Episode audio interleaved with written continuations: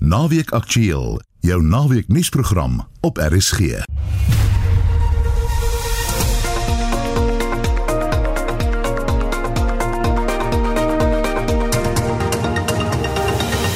Goeiemiddag in vandag se program. Bloedige weer soos ons in die nuus gehoor het, word op plekke in die Wes-Kaap en Namakwaland verwag. Die terugkeer van oud inwoners na distrik 6 word vertraag deur slordige bouwerk. En die Wêreldekonomiese Forum spreek kommer uit oor die oorbevolking van die ruimte. Welkom by Naweek Aktueel. Die redakteur vandag, Joan Marie Verhoef en ons produksieregisseur, Johan Pieterse.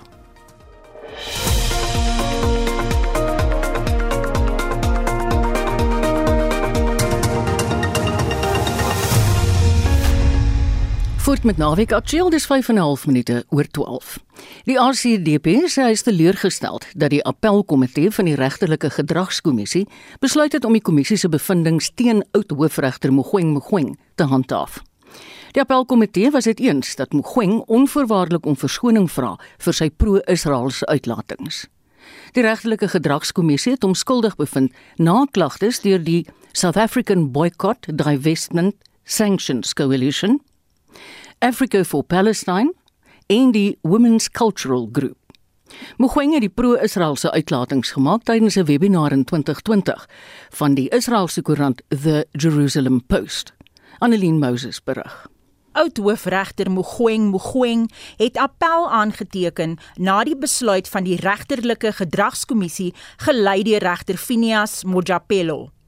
Mogoeng het tydens sy termyn as hoofregter geweier om verskoning aan te bied. I will not reject my God. I will not apologize for believing in my God. I will not apologize for being a Christian. I will not apologize for prayer. I will not apologize for holding onto the word of God. I will never even if 50 million people can uh, march every day for the next 10 years, for me to retract or apologize for what I say, I will not do it. I will never say I hate anybody or any nation. I will never. There will therefore be no retraction. There is nothing to retract. There will be no apology. Not even this political apology that in case I have offended anybody without meaning to offend them, for that reason I will not apologize for anything. There is nothing to apologize for. There is nothing to retract.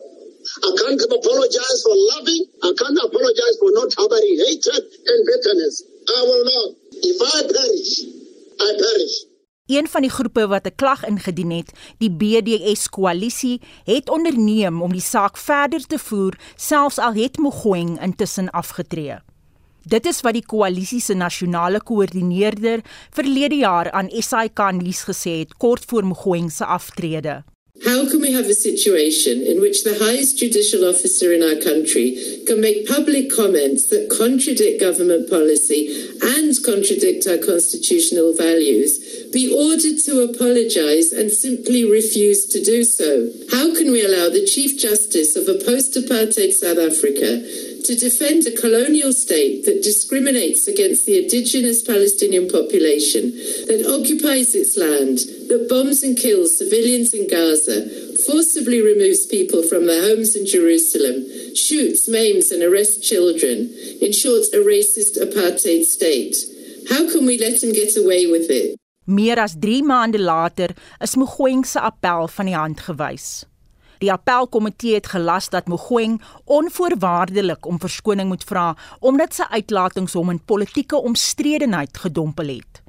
Die ACDP, wat deel is van pro-Israeliese drukgroepe onder die vaandel Friends of Israel wat Mogoeng ondersteun, is nie gelukkig met die appelkomitee se besluit nie. Die ACDP se adjunkleier, Wayne Thring, verduidelik hulle standpunt.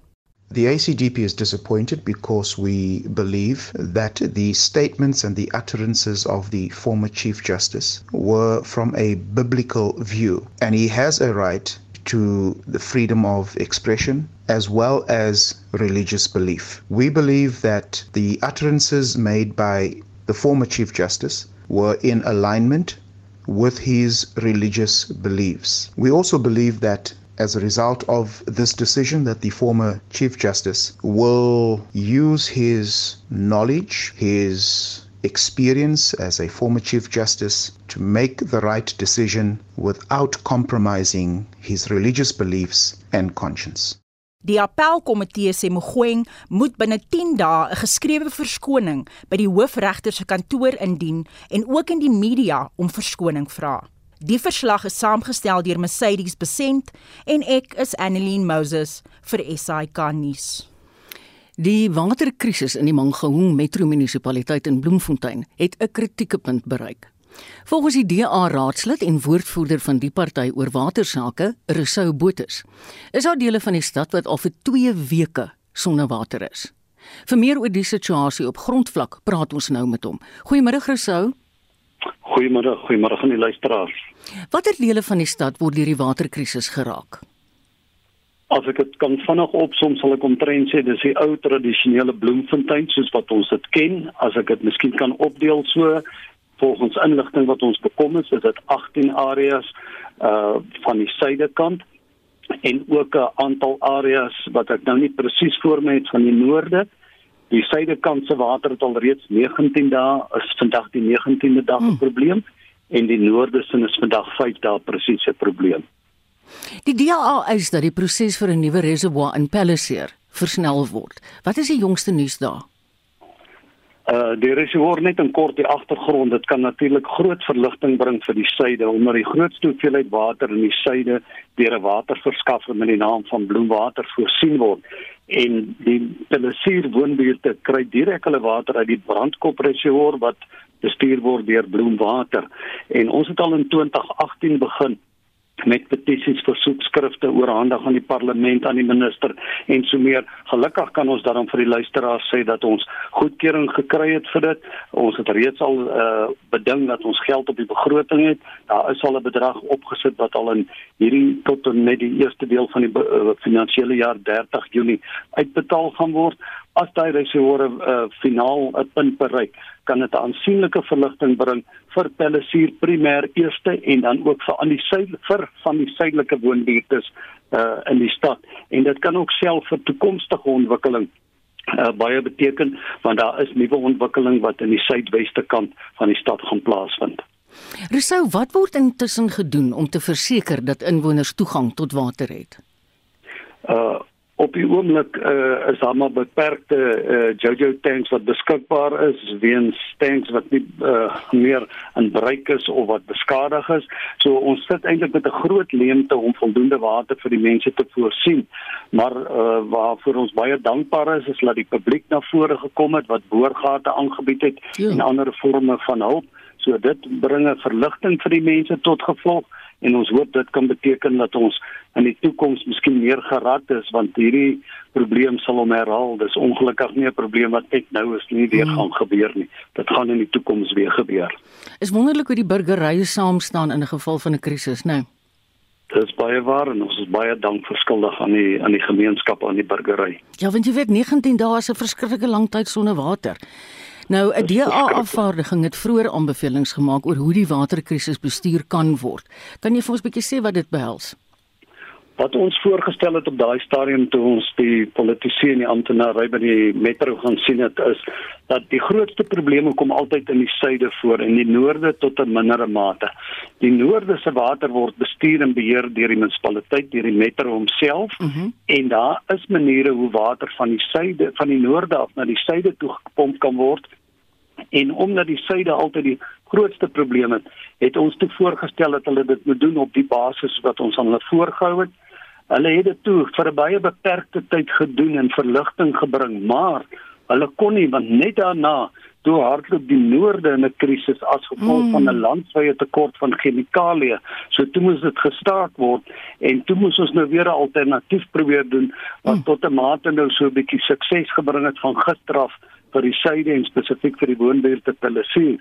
Maar uh, daar is ander alternatiewe ook wat ons na kyk wat ons ook graag met hulle wil deel op 'n stadium. En ons glo as dit kan werk, uh, kan daar aansienlike verligting gebring word want ongelukkig is die munisipaliteit en nie meer die munisipaliteite wat ons vroeër jare geken het nie. So die standaarde is nie meer daar nie en daarom kom dit nou al hoe meer na die burgery toe en buiteinstansies wat betrokke moet raak om te kyk hoe kan hulle hulp verleen in so 'n situasie.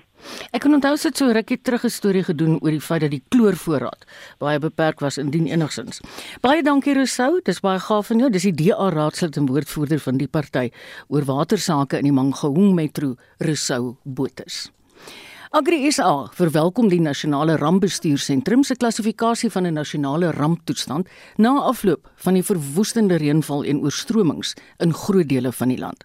Terselfdertyd verwelkom die organisasie die onlangse reën omdat dit 'n einde gebring het aan die voortsleepende droogte wat die afgelope jare dele van die land getuister het.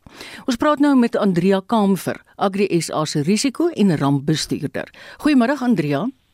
Goeiemôre Marieta en luisteraars.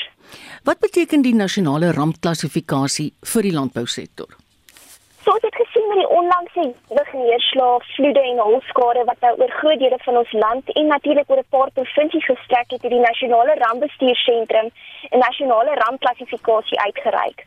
Ons is ook bewus dat daar skade aan oeste voorgekom het um, in dele van die Wes-Vrystaat, dele van Noordwes, KwaZulu-Natal, Gauteng, um ensovoorts. En dan het, uh, het dit ook nou natuurlik risiko vir produsente ingehou en dan produsente allangs groot riviere soos jou Vaalrivier en die Oranje rivier is uh produsente ook nou versigtig vir uh, besproeiingstoerusting wat kan beskadig. So hmm. In beginsel beteken hierdie klassifikasie net dat aanbevelings en inligting is vanaf provinsiale rampbestuursentrums ontvang na die nasionale um, rampbestuursentrum om die omvang en die erns van hierdie ramp um jy weet te assesseer omdat dit nou die magte van hierdie provinsies en distriksmunisipaliteite nou oorskry. En nou is hierdie nasionale uitvoerende gesag nou primêr verantwoordelik in oor in oorleg met provinsiale strukture en sektorale staatsdepartemente soos byvoorbeeld departement van landbou um moet hulle nou gesamentlik hierdie um ramp bestuur. So Agri SA verwelkom die klassifikasie want ons het gesien dat daar groot risiko's nou vir baie produsente reg oor Suid-Afrika voorkom nie net landelike gewasse nie, maar ook vir besproeiingsboere. Hmm. En waarvoor maak hierdie ramptoestand se verligting voorsiening? So ons georganiseerde landbou in oorleg met provinsiale um rampbestuursentrums en dan ook jou sektorale departemente is nou tans besig om impakassesserings um om te onderneem sodat ons kwaliteit of kwantitatiewe inligting kan kry. Maar op die einde van die dag wil die, die grootste begeerte of die grootste nood is dat um padinfrastruktuur en bru oh. het geweldig of of of is beskadig deur hierdie groot skaalse reëns. So ons kort hierdie inligting um hoeveel skade daar ook al veroorsaak mm. is en watse paaie um sodat die regering dan nou geld kan bewillig om om dit dan nou ja. te herstel. Ja. Ja. Wat is die dringendste behoefte? Is dit die paaie en die brûe? Ja, ons almal weet in landelike areas in sekere provinsies is baie agtergelaat met padinfrastruktuur en hierdie onlangse um, probleem is nou net geweldig vererger. Mm. So indien ons ten minste hierdie rampklassifikasie um, deur hierdie rampklassifikasie druk kan uitoefen en wanneer begrotings nou geherprioritiseer moet word, um, probeer ons nou druk dat hulle eerder kyk na padinfrastruktuur en brûe te herstel. Goed want ons is nie so hoopvol op op ons ons weet nog nie of of boere gekompenseer kan word um vir oesverliese nie maar 'n pad vorentoe sal wees om ten minste net die bru en die hmm. infrastruktuur dan hmm. natuurlik te herstel. Andrea, is daar nou al geld uit die staatskas beskikbaar gestel? Op die stadium omrede hulle nog steeds besig om impakassesserings te onderneem, is daar nog nie um, aansoek gedoen vir nasionale befondsing nie. So met hierdie klassifikasie word dan nou verwag dat munisipale en provinsiale staatsdepartemente nou hulle begrotings moet herprioritiseer om basies te kyk of daar genoeg befondsing is binne hulle bestaande strukture. Indien nie, dan word dan nou by nasionale tesourie aangeklop sodat daar nou uh, befondsing verder um jy weet beskikbaar ja. gestel kan word. Maar dit is ook 'n proses. Ja ja. En dit is baie keer baie reaktief. Jy weet mm, mens moet mm. lank wag. So dit is ja, daar's altyd maar risiko's as jy as mens sulke uiterste weeromstandighede beleef. Dis waar. Dis baie waar Andrea baie baie sterkte. Ons hoop dinge kom sommer gou-gou tot 'n punt. Dit was Andrea Kamfer, Agri SA se risiko en rampbestuurder. 19 minute oor 12. Inwoners van die Kaapse Wynland word gewaarsku teen erge hitte in verskeie woonbuurte met temperature wat oor die naweek tot 45 grade Celsius kan styg. Ons het gesien gister in die Parel by die krieket hoe warm dit is. Vir meer inligting hieroor praat ons nou met die woordvoerder van die Kaapse Wynland distriksmunisipaliteit Joanne Otto. Hallo Joanne. Hallo Marieta en hallo luisteraars, dit is lekker om weer te gesels. Baie warm, maar lekker om weer. jy spons jou 'n bietjie af terwyl jy praat. Oor watter spesifieke gebiede is jy bekommerd, Joanne? So eintlik die hele Kaapse Wynland hierdie naweek, ehm um, al die areas, so vir mense wat nie weet nie, dit strek 23 um, amper 24000 uh, vierkante uh, kilometer. Maar die dorp is natuurlik die warmste. Ehm um, ons kyk natuurlik na Drakensberg, uh, die area van Parel, Wellington is môre voorspel om die warmste plek op aarde te wees. Mm. So uh, ons kyk maar, ehm um, maar op hierdie stadium is alles tussen 40 en 45 grade vandag. So dit is dit is ja. maar baie warm. Mm. Mm. Jy het 'n veld toe geloods wat mense vra om nie te braai of vuur te maak in openbare plekke nie.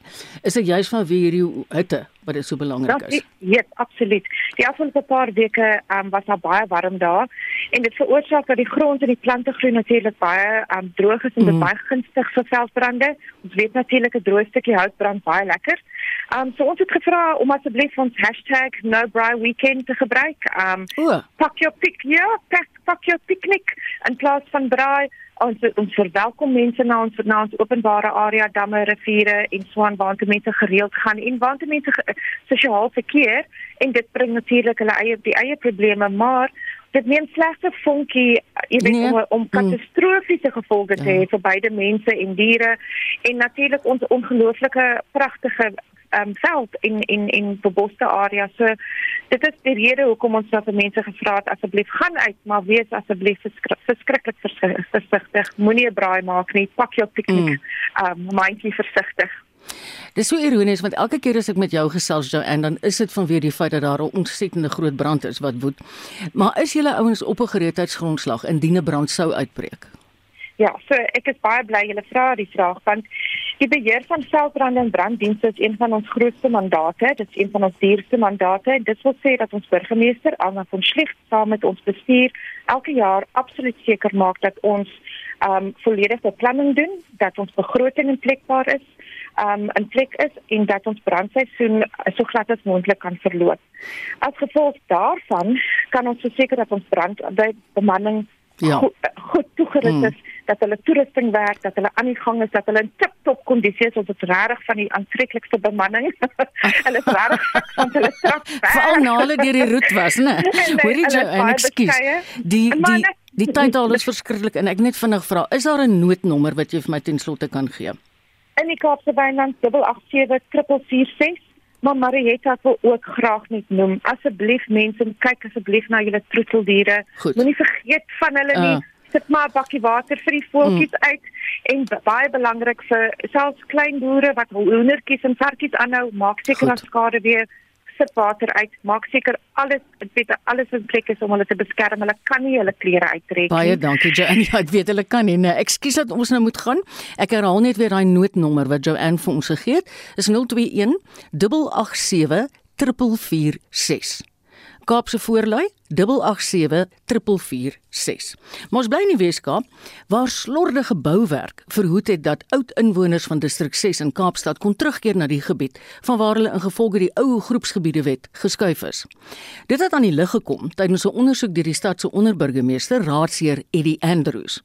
Hy het aan Joan Marie Verhoef gesê meer as 90 eenhede is net nie op standaard nie omtrent so 97 eenhede. Die bekommernis vir die stad Kaapstad het is dat die beroepsertifikaat wat ons moet uitreik aan die kontrakteur Nou so bekommers met die metings van die reilings en wat die pasie tussen die stoep en die reiling dit is nie wat ons wil hê dit moet wees van ons daar veiligheid bekommernis. Byvoorbeeld as 'n baba daar rondhardloop kan hy daardeur val onder die val. Dat die stoep selfs as metings wat bekommernis vir ons is. As jy byvoorbeeld nou uithard is dan 'n brand in die gebou is en jy se pad uit nou by die voordeur of die agterdeur en jy kom nou af van die trappe af dan uh, jy mag val. En dan natuurlik kan jy uit nie en dis natuurlik die lewe verder in, in gevaar sal stel maar ek moet ook noem dat ons daai beroepsertifikaat uitgereik en gesê die mense kan nou in, maar die argitek en sy bouspan moet binne 12 maande daai goed regstel. So wie was oorspronklik uh, verantwoordelik vir die bouwerk? Nasionale departement van uh, kyk hulle het nou kontrakteur aangestel wat nou moet bou, daar's 'n bouplan en die bouplan sê die metings moet sou wees en hulle natuurlik het nou nie volgens die bouplan gebou. Dit is baie klein maar belangrik vir ons wat die veiligheid van die inwoners sal bepaal in, in die toekoms. So dit is nou die argitek en sy bouspan wat nou hierdie pad bietjie duister geraak het. En die raad ons kom uit uh, aan die begin en aan die einde van die projek waar die bouinspekteur nou sal sê, maar jy het volgens jou plan gebou en ons teken nou af en hier is jou beroepsertifikaat nou vir hierdie ontwikkeling. Want ek wou nou net vra oor die inspeksie. Is dit nie die stad se verantwoordelikheid om deurlopend inspeksie te doen nie? Ja, argitek en sy bouwspan kan ons inroep in uh, tussenin, maar jy moet ook verstaan daar's so baie ontwikkelinge in die stad. Die stad sal nie mag hê om elke ontwikkeling elke dag daar te kan wees en sê dat jy volgens jou plan bou nie, want ons weet dit is die verantwoordelikheid van die argitek en sy bouwspan. Hoe word die terugkeer van oud inwoners van distrik 6 hierdeur geraak? Die storie op die oomblik sê dat die stad wat nou dat die duiwel in die verhaal is, maar dit glad nie die stad wat die duiwel in die verhaal is nie. Ek dink toe ons nou die bouinspekteur op sy ondersoek gedoen het laas het en dit sê ons kan nie afteken nie, kan julle asseblief tog vir ons hierdie goed regstel. Hulle kon dit natuurlik nie onmiddellik regstel nie, maar ons gesê ons sal dit vir jou gee die beroepsertifikaat. Jy kan nou die mense sê hulle mag inkom. So ons aan ons kant af sê ons, jy kan nie mense sê hulle moet inkom, maar jy moet reg goed regstel binne daai 12 maande tydperk. Want hierdie mense wag nou al langer as lank om terug te keer en dan word hulle nou verder deur die storde bouwerk benadeel. Is dit nie 'n skande nie, Eddie? Absoluut, Jan. Ek stem heeltemal saam met jou. Dis regtig 'n bekommernis en dis hoekom vir my so belangrik dat ons hierdie onderhoud doen sodat die storie kan regstel. Van die stad Kaapstad ons verantwoordelikheid in hierdie gesprek is om te kyk dat jy bou volgens jou plan.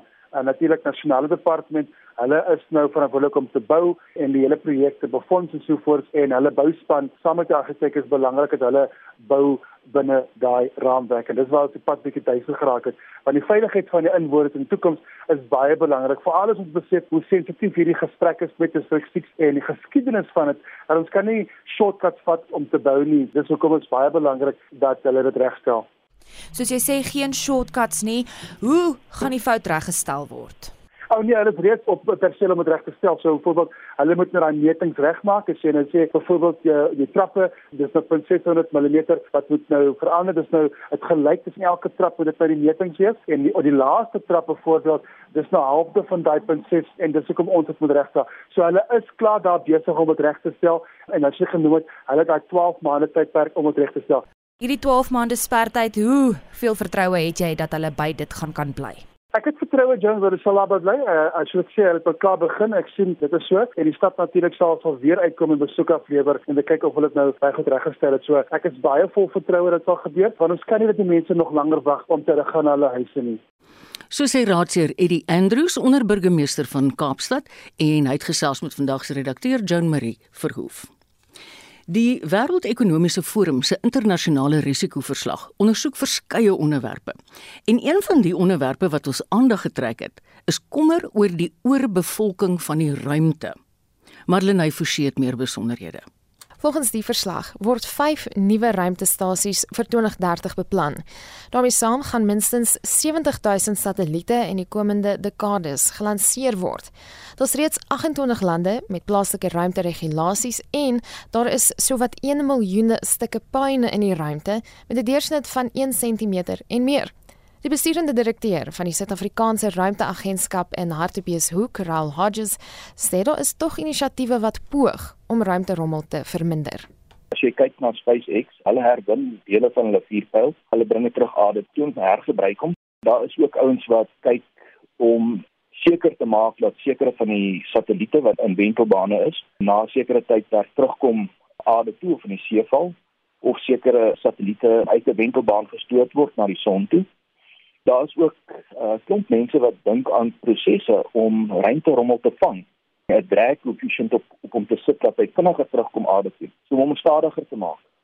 Ehm uh, want meeste van jou ruimterommel is omtrent tot 400 tot 800 km bo in die aarde. Hy sê alle rommel in die ruimte word gemonitor om botsings met satelliete te vermy.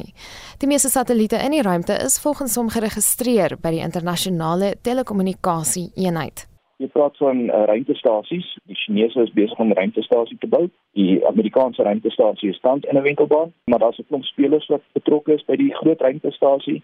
In 2025 uh, wil ons graag weer maan toe gaan saam met die wêreld. Uh, in 20 seker 2030 wil ons Mars toe gaan.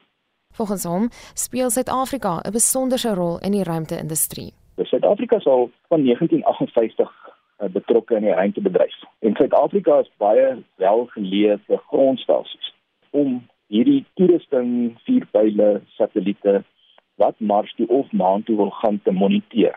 Ons sit in die suidelike halfrond en ons is tamelik ver af in Suid-Afrika en ons het 'n baie goeie visie van al hierdie pogings. So dit maak ons baie gesog in die internasionale wêreld met hulle toerusting te kan kommunikeer en dan ook seker te maak die toerusting wat hulle lanseer is veilig en dan ook indien daar mense op die maan sou wees te kan kommunikeer met die maan en later mense te kan kommunikeer op Mars. Suid-Afrika het seker een van die grootste ruimtegrondstasies in die hele Afrika en ons komplementeer die wêreld se grondstasies baie goed want ons is net so ver voor met die tegnologie as wat hulle is. Volgens die WEF se verslag is daar tog die bekommernis dat die ruimte gemilitariseer kan word. Wat die ruimte betref, daar's nie dis joune en myne nie. Almal werk in die ruimte en almal werk eintlik saam want almal het 'n steek in die ruimte. So dit is nog nie afgesonder nie. Sal die mense militaristies kan raak in ruimte? Ja, jy kan daar is sekere maniere, maar sover het dit nog nie vir ons 'n bedreiging geword nie en ek hoop nie dit word enige bedreiging uh, vir die wêreld nie want dit is 'n manier om te kommunikeer en om research te doen in 'n area wat nog nooit gedoen is nie en wat baie vordering vir die mens kan doen vorentoe. Dit was die besturende direkteur van die Suid-Afrikaanse Ruimteagentskap in Hartbeespoort Noordwes, Raul Hodges. Marlene Forsie, SAK nuus.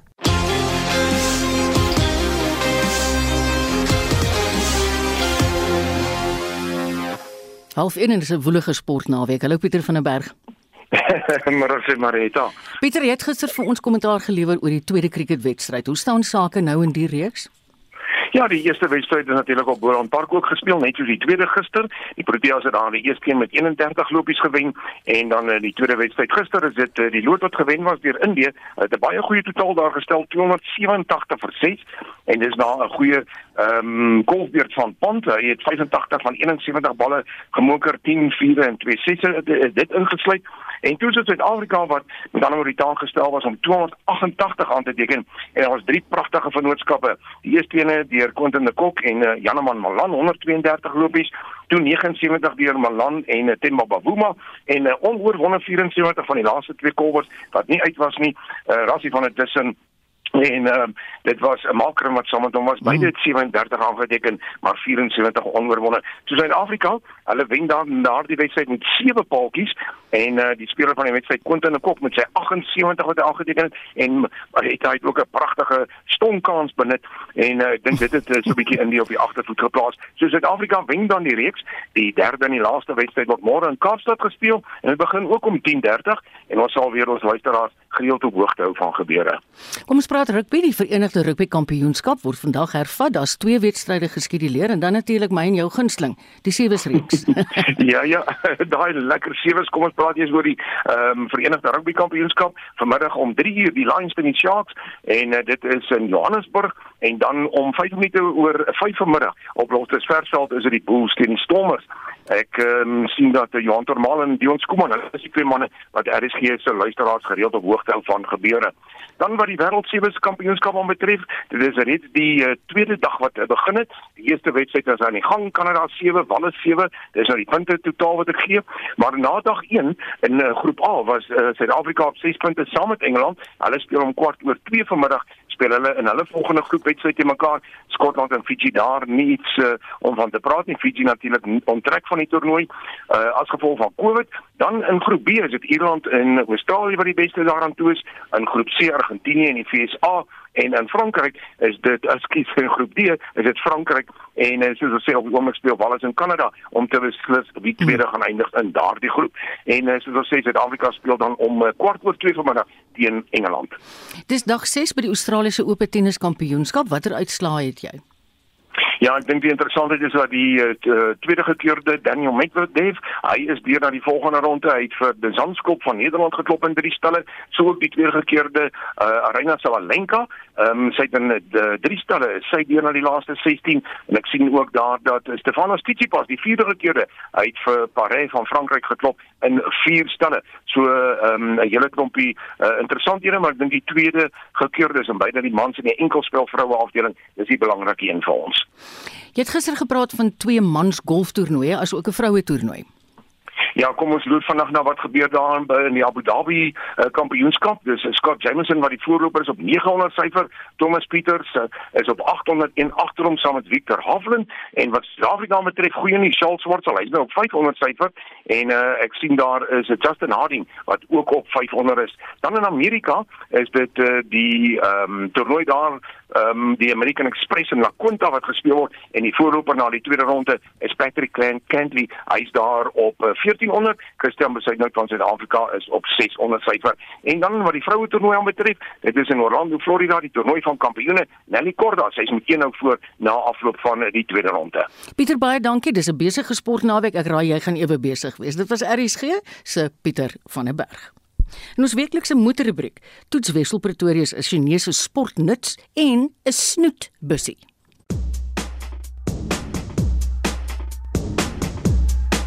Die Chinese vervaardiger Havel het minder as 'n jaar gelede sy Julian plaaslik bekend gestel. En gou was dit 'n groot sukses met verkope gereeld oor die 1000 eenhede per maand. Wat ons hier het is 'n sportnuts in die kompakte klas nie net fisies groter as sy mededingers nie, maar ook baie omvattend toegerus en boonop uiters mededingend geprys. Tussen 310 en 410 000 rand. Ek het die topmodel gery, die Super Luxury teen 409 000. Aan die buitekant het die Julian 'n netjiese, stylvolle voorkoms wat eintlik meer premium lyk as sy prys. LED ligte voor en agter en 18 duim alloy wiele. Die kwaliteit van die binneruim kom as 'n verrassing. 'n Skoon minimalistiese voorkoms met heelwat sagte materiaal op die paneelbord. Asook die middelkonsole en die deure. Die Julian is byna 4,5 meter lank wat hom of die grootste kompakte kruisvoertuig maak of as jy wil onderaan die medium grootte klas. Danksy 'n wielbasis van 2,7 meter het hy baie beenruimte vir die agterste insittendes. Die bagasiebak is egter bloot gemiddeld met 'n Mari beskuit spaarwiel. Die groot kleurvolle sentrale raakskerm is seker die aantreklikste en mees omvattende in die klas met onder meer 'n 360 grade kamerastelsel. Omdat hier nie knoppe en skakelaars is nie, moet jy egter jou oë van die pad haal om na dinge soos die klimaatbeheer of selfs ritmeter te soek. Die instrumentpaneel voor jou is heeltemal digitaal en die belangrikste inligting soos spoed word voor jou in die onderste deel van die venster geprojekteer. Jy beheer die outomatiese ratkas met 'n ronde knop leersitplekke waarvan die bestuurder sin elektries verstel en 'n groot panoramiese sondak kom gratis. Trouwens, hy het alles wat oop en toe maak, toerusting wat jy eintlik net op veel duurder voertuie kry. Net een ding, die stuur kan net op en afstel en nie in en uit nie. Maar daar stop dit nie, ook die Julian se veiligheidskenmerke is die beste in sy klas. Dit sluit in aanpasbare togbeheer met sogenaamde traffic jam assist. Dit beteken dat hy sy spoed in spitsverkeer agter 'n stadige bewegende voertuig hou en self sal stop en self weer beweeg soos die verkeer begin vloei sonder dat jy enigiets hoef te trap. Verder, radar noodremming sou 'n voetganger, fiets of voertuig skielik voor jou verskyn en dan waarskuwings vir blinde kolle as jy jou laan verlaat, vir kruisverkeer agter jou en dan druk hy jou ook liggies terug in jou baan indien nodig. Hy het ook 'n banddrukmonitor en afdraande beheer, hoewel alle modelle net met die voorwiele trek en met 'n 1.5 petrol turbo beskikbaar is. 105 kW en 210 Nm. Kaartjesskrif het 0 na 110,4 sekondes afgelê. Die toere lê teen 'n rustige 2307 rad by 120. Teleurstellend egter is sy brandstofverbruik. Ek het 8,7 liter per 100 km gemeet op my gekombineerde stad en ooppadroete. Daar's min pad en windgedruis teen 120 en hy ry oor die algemeen gerieflik oor die meeste padoppervlaktes. 'n 5 jaar 60000 km diensplan word ingesluit. My slotsom teen R409000 bied die Havel Julian Super Luxury uitsonderlike goeie waarde vir geld. Mitsubishi het 'n klompie maande gelede sy Xpander snoetbusie bekend gestel wat direk meeding met die Suzuki Ertiga en Toyota Rumion. Die Xpander het voorlangs nog 'n futuristiese voorkoms en netjies agterligte en aantreklike alloywiele. Die neusgedeelte is redelik kort, so die res van die 4.5 meter lange lyf is net eenvoudig spasie met die sewe sitplekke wat in talle formasies platgeslaan kan word. Die tweede ry kan ver vorentoe en agtertoe skuif. En die rugleuning 1/3 2/3 platslaan. En dan is hier vir die lugversorging ventilasiegate agter en dan selfs met die derde ry sitplekke opgeslaan is hier heel agter steeds plek vir 'n hele paar winkelsakke. Jy kan ook die tweede en derde rye heeltemal platslaan om in effek 'n paneelwa te vorm met 'n laaispasie van byna 1,8 meter. Hy het jou basiese Lexus, elektriese vensters, sentrale sluiting, Bluetooth en USB slimfoon koneksies, 120 watt kragpunte in al drie rye sitplekke en die syspieels vou elektries in. Veiligheidskenmerke sluit in dagryligte, 'n trikamera, Isofix kinderstoel ankers, maar net twee ligsakke. Die reeks bestaan uit 'n 5-spoed handrat en 'n 4-spoed outomaties. Ek het laasgenoemde gery. Die 1.5 stoot 77 kW en 141 Nm uit. 50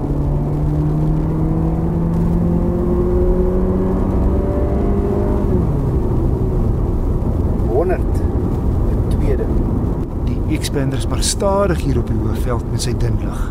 Lang radverhoudings gegee sy beskeie krag uitset, help nie die situasie nie. En die masjien raak maar raserig teen hoë toere wat gereeld nodig is om redelik vordering te maak. Teen 120 lê die toere teen 3004de. Maar met die geringste opdraande moet die radkas derde toe spring om sy spoed te handhaaf. 120 in derde is gelyk aan 4300 toere. My gemiddelde verbruik was 'n billike 7,4 liter per 100 km. Ander positiefes: gemaklike sitplekke wat lekker hoog sit, 'n goeie grondvryhoogte van 205 mm en 'n gerieflike, toegeeflike ritgehalte. My gevolgtrekking: die Mitsubishi Xpander 1.5 outomaties teen R330 000 is 'n baie veelsidige veeldoener maar hy smeek vir 'n bietjie meer krag. En dit was Wessel Pretorius. Postariewe sal vanaf die 1 April vanjaar met 5% toeneem. Die Suid-Afrikaanse Poskantoor se diensfooie word jaarliks deur die Onafhanklike Kommunikasie Owerheid van Suid-Afrika, UKOSA, aangepas. Vincent Mofokeng het met die Poskantoor se woordvoerder, Johan Kreur, gepraat. Die pryse gaan maar op oor onkoste opgaan. Hierdie jaar gaan posgeld op met 5% en dit is heeltemal in lyn met inflasie. So jy weet, ons almal weet brandstofpryse hier geld en daai tipe van goed gaan op. Dis maar net om ons onkoste te dek. Kan jy vir ons van die belangrikste verhogings noem? Dink die beste aandering is gewone brief wat nou R5.65 kos. En uh, dit maak nou nie saak van waar dan waar jy hom stuur nie. So as jy hom van die Kaap stuur tot in kom ons sê Tabazimbi of Beitbrug of so dan is dit nog hulle winskoop daarin. En dan internasionale pakkies bly nog maar steeds 'n baie goeie waarde vir geld produk. Jy weet daar's aansienlik klein besighede wat aanlyn besigheid doen en wat uitsluitlik die poskantoor gebruik want dit is maar net ons diens wat hulle kan bekostig. As hulle koeriers moet gebruik dan word hulle produkte onbekostigbaar duur. Nou die poskantoor is tans besig om sekere takke te sluit of saam te smelt. Kan jy vir ons sê waar luisteraars kan uitvind watter takke is nie meer in diens nie? Kyk, ons is besig met 'n veldtog om poskantore in stede wat nader as 5 km aan mekaar is saam te smelt. En op die poskantoor webwerf, dis postoffice.co.za, is daar 'n skakel waarop jy kan klik en dan is daar 'n lys wat elke dag bygewerk word. Dit sê list of post offices en daar kan jy kyk watter poskantore naby jou is oop. Ons sorg ook dat Google Maps die hele tyd ingelig is van die oop en toemaak van alle poskantore. Johan Kreur, die Suid-Afrikaanse Poskantoor se woordvoerder. Vroeër vanoggend in die Reis sonder grense uitsending van Op die water af het Johan almal van die RSG span en al die ander mense wat betrokke is bedank. En dis tyd vir ons hierso by Aktualiteit om vir Susan dankie te sê vir haar baie harde werk hierdie week. Die hele lot is nou nog op die MSC Orkestra vir die Op die water kunstefees en dis ons laaste oorskakeling daarna hulle toe. Susan Dankie Marietta. Nee, ons sê vir julle dankie want ek is nie seker hoe hard mens werk op hierdie skip nie. Dit klink eerder vir my na feeste hier op die skip. Geval, uh, ons is hier op die dek, dek 13. In die sonnetjie staan ons. Weer is fantasties en uh die teaterproduksie Hal Awesome word ook vanaand hier op die RSG hulle vra op die Waterkunstefees opgevoer. Ira Blankenberg voer dit op en dit is die aangrypende verhaal van hoe sy as ma die verlies van haar seun moet verwerk. Die storie het almal se harte aangegryp in 2013 reeds toe haar 14-jarige seun Kiran van 'n kraans in Hermanus afgegly het. Sy laaste woorde aan haar was haal asem en dan nou van daardie produksie se naam. Ons is nou in 2022 en steeds stroom mense na die teaters om dit te sien en ons praat nou met Ira. Ira, van toe tot nou het ding dinge het sekerlik nou al verander. Het dit al 'n inslag gevind in jou produksie?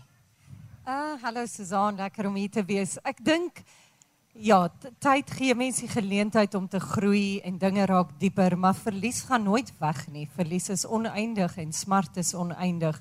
So daai dinge bly maar presies dieselfde. Wat vir my wel interessant was om nou die produksie op te tel, is om na daai oomblikke terug te gaan aan die begin, daai eerste paar jaar en uh, dit is nogal 'n skok as 'n aktrise want jy moet werklik jouself weer inleef in elke oomblik. En dan besef mens ook met dankbaarheid dat jy al 'n pad gestap het. En alles wat jy beleef, alles wat jy in daai dagboeke sien wat jy nou weer moes oopmaak, dis die waarheid. So dis hoekom dit dalk so swaar is.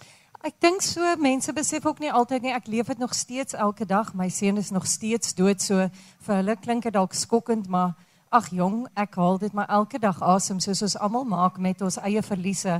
Dit gaan nie weg nie, dit is maar nog steeds deel van jou. As jy nou terugdink aan die trauma wat jy beleef het en jy kyk nou na alles wat gebeur het om jou tydens hierdie pandemie byvoorbeeld. Herken jy van die tekens dat mense deur 'n moeilike tyd gaan en dit amper self nie besef nie? Weet jy, ek dink in die ou dae het mense altyd gevoel dit is eh, jy weet daar's minder mense wat aan depressie ly, maar ek dink die pandemie het ons eintlik almal geforseer om op 'n manier depressief te wees en ek dink ons besef dit nie eers nie. Dit is uitmergelend. Ons is moeg. Dis party daar moeilik om op te staan. En ek dink daai tekens is daar van verlies en wat mense wat nie weet hoe om dit te hanteer en wat om daarmee te doen nie. Ek dink ook ons trauma is baie erger as wat ons noodwendig besef. Ek sien dit so dikwels in die kinders. Ek gee klas van graad 1 tot matrieks en ek kry hulle so jammer. Jy weet, hulle kan nie aan mekaar vat nie kleintjies moet oor mekaar val en trek en spoeg en ehm, 'n um, mens kan sien dit het 'n groot effek op hulle. Die en die tieners moet nou begin swentjies steel en in mense se gesigte lees om te sien of of hulle nou van hulle hou of nie. Hulle kan nie dit doen nie. Ja, Susan, ons almal onthou daai dae en dit is vir my tragies om hulle so op hulle eie te sien en hulle weet nie eers meer hoe om daai oogies te maak nie. Um, dink jy mense hanteer die pyn en lyding en trauma of gaan almal net aan want ons almal sukkel saam? Ek dink dit is moeilik met die pandemie want COVID uh, forceer ons om maskers te dra, dit forceer ons om op ons eie deur goed te gaan en ek dink hierdie trauma is reusagtig want ons voel totaal geïsoleerd en ek dink dit maak dit baie moeilik. Uh vir my altyd ek sê jy hoef nie jou trauma af af te pak op 'n ander ou nie, maar net deur jou eie weerloosheid oop te maak dan sien jy dan in die ander ou se oë in die spar as hy sy groente koop, o, dit gaan is maar daar ook moeilik en dan skielik is ons nie so alleen nie. Ek het met verskeie mense gepraat hier op die skip terwyl ons hier is en en almal het hulle eie stories na die pandemie, ehm um, gries stories. Ek het 'n storie onder meer hier met 'n 'n dominee gedoen. Hy's môre aan die woord hier op die op die dek en dit gaan oor die feit dat hy gewoond is daarom om mense te werk wat trauma beleef. Hy's gewoond daaraan om begrafnisse te doen, maar om so baie te doen op een slag in een week. En dan moet jy self deur die trauma gaan. Dis mense wat jy ken, dis mense wat jou na in die hart lê.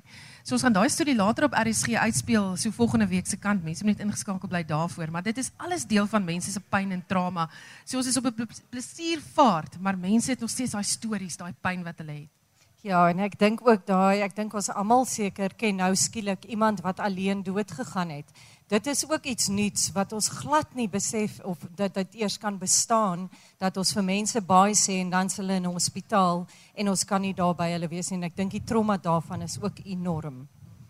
Wat is die, die gevaar na jou mening as 'n mens nie introspeksie doen en sê ek voel goed of ek voel depressief en dit wil nie wyk nie, ek moet nou ek moet nou iets doen nie. Ek dink dit is maar soos 'n pot wat prut en prut en prut en dan begin kook en dan gaan daai deksel iewers afskiet. Ehm um, soos ek sê jy hoef nie af te pak nie, maar ons kan nie altyd net gelukkig wees nie. Ek is vandag gelukkig, maar 'n bietjie hartseer ook en dan huil ek 'n bietjie en dan lag ek weer. So dit is net dat ons dit nie moet wegsteek nie. Haal dit net deur jou lyf asem want as ons hierdie goed begin wegsteek, dis dan wanneer dit skielik na 6 maande of 'n jaar dink ek dan hoor ons dat ehm um, iemand regtig deur 'n groot krisis gaan. Baie dankie. Dit was dan Ira Blankenberg. Sy voer die produksie Haal Asem om en uh, net daarmee gaan ons groet hier van dek 13 af. Dis op die MEC Orchestra. Geniet die res van jou middag in die geselskap van RSG met Marietta agter die stuur. Ja, dit klink daarom baie baie lekker, maar soos jy sê, al die emosies gaan maar saam met 'n mens, né? Dankie Susan en dankie vir die werk wat jy daar gedoen het. Ek moet sê ek het nogal gevoel ek is ook op die skip hierdie hele week. Iets heeltemal anders. Volgens die organisasie Open Doors is Afghanistan nou die gevaarlikste plek vir Christene om in te leef. Die organisasie het onlangs sy jaarlikse verslag oor die vervolging van Christene wêreldwyd bekend gestel. Maar hulle nei berig dat geweld, diskriminasie en selfs moord op Christene toegeneem het, soos wat menseregte vergrype oor die algemeen toegeneem het. Open Doors se uitvoerende direkteur in Suider-Afrika, Lenet Leybach, sê hulle navorsing toon dat 20 miljoen meer mense daagliks gevolg word omdat hulle Christene is. Die woord vervolging dui op enige vorm van geloofsgebaseerde vyandigheid. Hoewel openlike geweld meer aandag trek, is dit ook die daaglikse onophoudelike druk wat Christelike gemeenskappe ervaar. So dit kan enige iets wees van diskriminasie by die werk druk van hulle familielede om hulle geloof te verwerp en dan praktiese goed soos om laaste in die ry te moet staan vir hulp of medisyne en wanneer daar bureaukrasie is in terme van die lisensiering van kerke. Maar ja, aan die geweldkant is dit enige iets van aanranding tot moord. Van die lande waar Christene die meeste met geweld begroet word, is Nigerië, Pakistan, Indië, die Sentraal-Afrikaanse Republiek en die Demokratiese Republiek van die Kongo. Na die Taliban se oorneem van Afghanistan verlede jaar, is dit egter nou die land waar Christene die meeste vervolg word.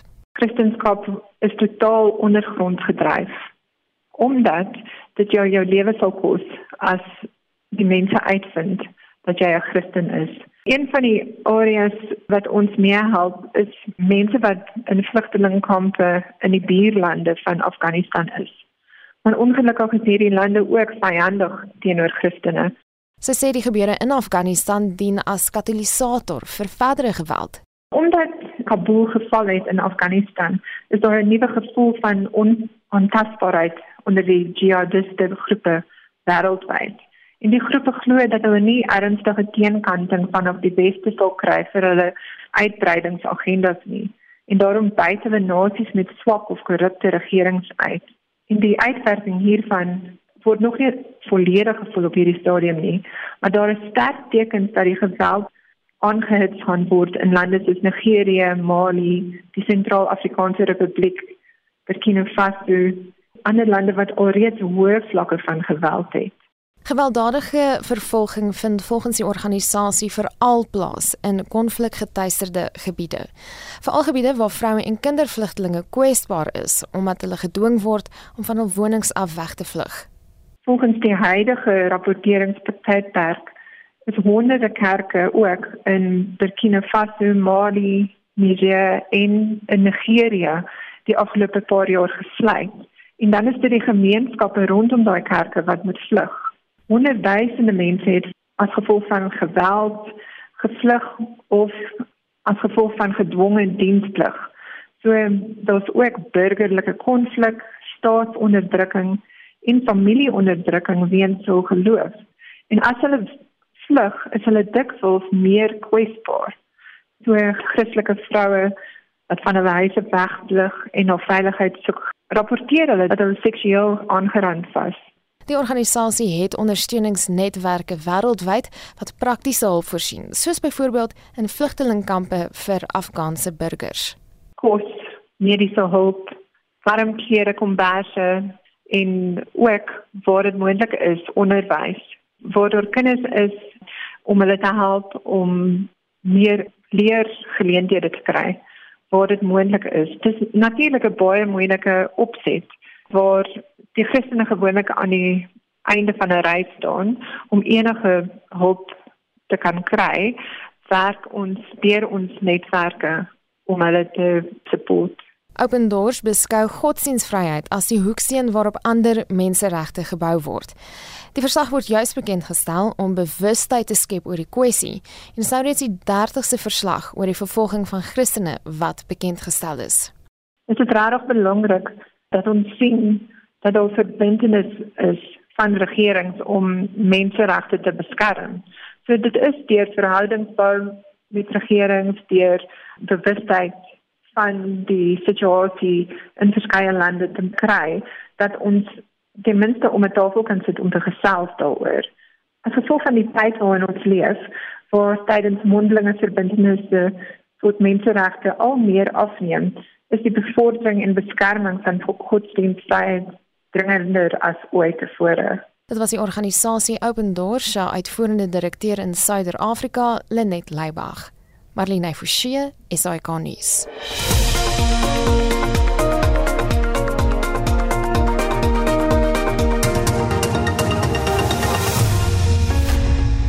Er is gister in verskillende programme hulde gebring aan die sanger Meatloaf na sy afsterwe in die ouderdom 74. Ons wil dit vandag in ons program ook graag doen, want dis daarmee elke ou wat meer as 100 miljoen albums verkoop nie. Hier is die titelsnit van een van sy bekendste top 10 verkopers en dit was ook een van alle tye en dit is Bad RFL. daarmee groet ons saam en ons sê baie dankie dat jy ingeskakel was vir 'n uur namens uitvoerende regisseur Nicoline de Wee, vandag se redakteur Jan Marie Verhoef, ons produksieregisseur Johan Pieterse. Ek is Marieta Kreer, onthou die sewes speel kwart oor 2.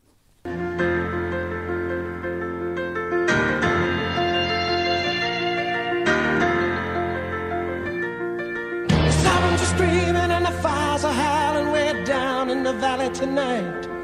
There's a man in the shadows with the gum in his eye and a blade shining no so bright.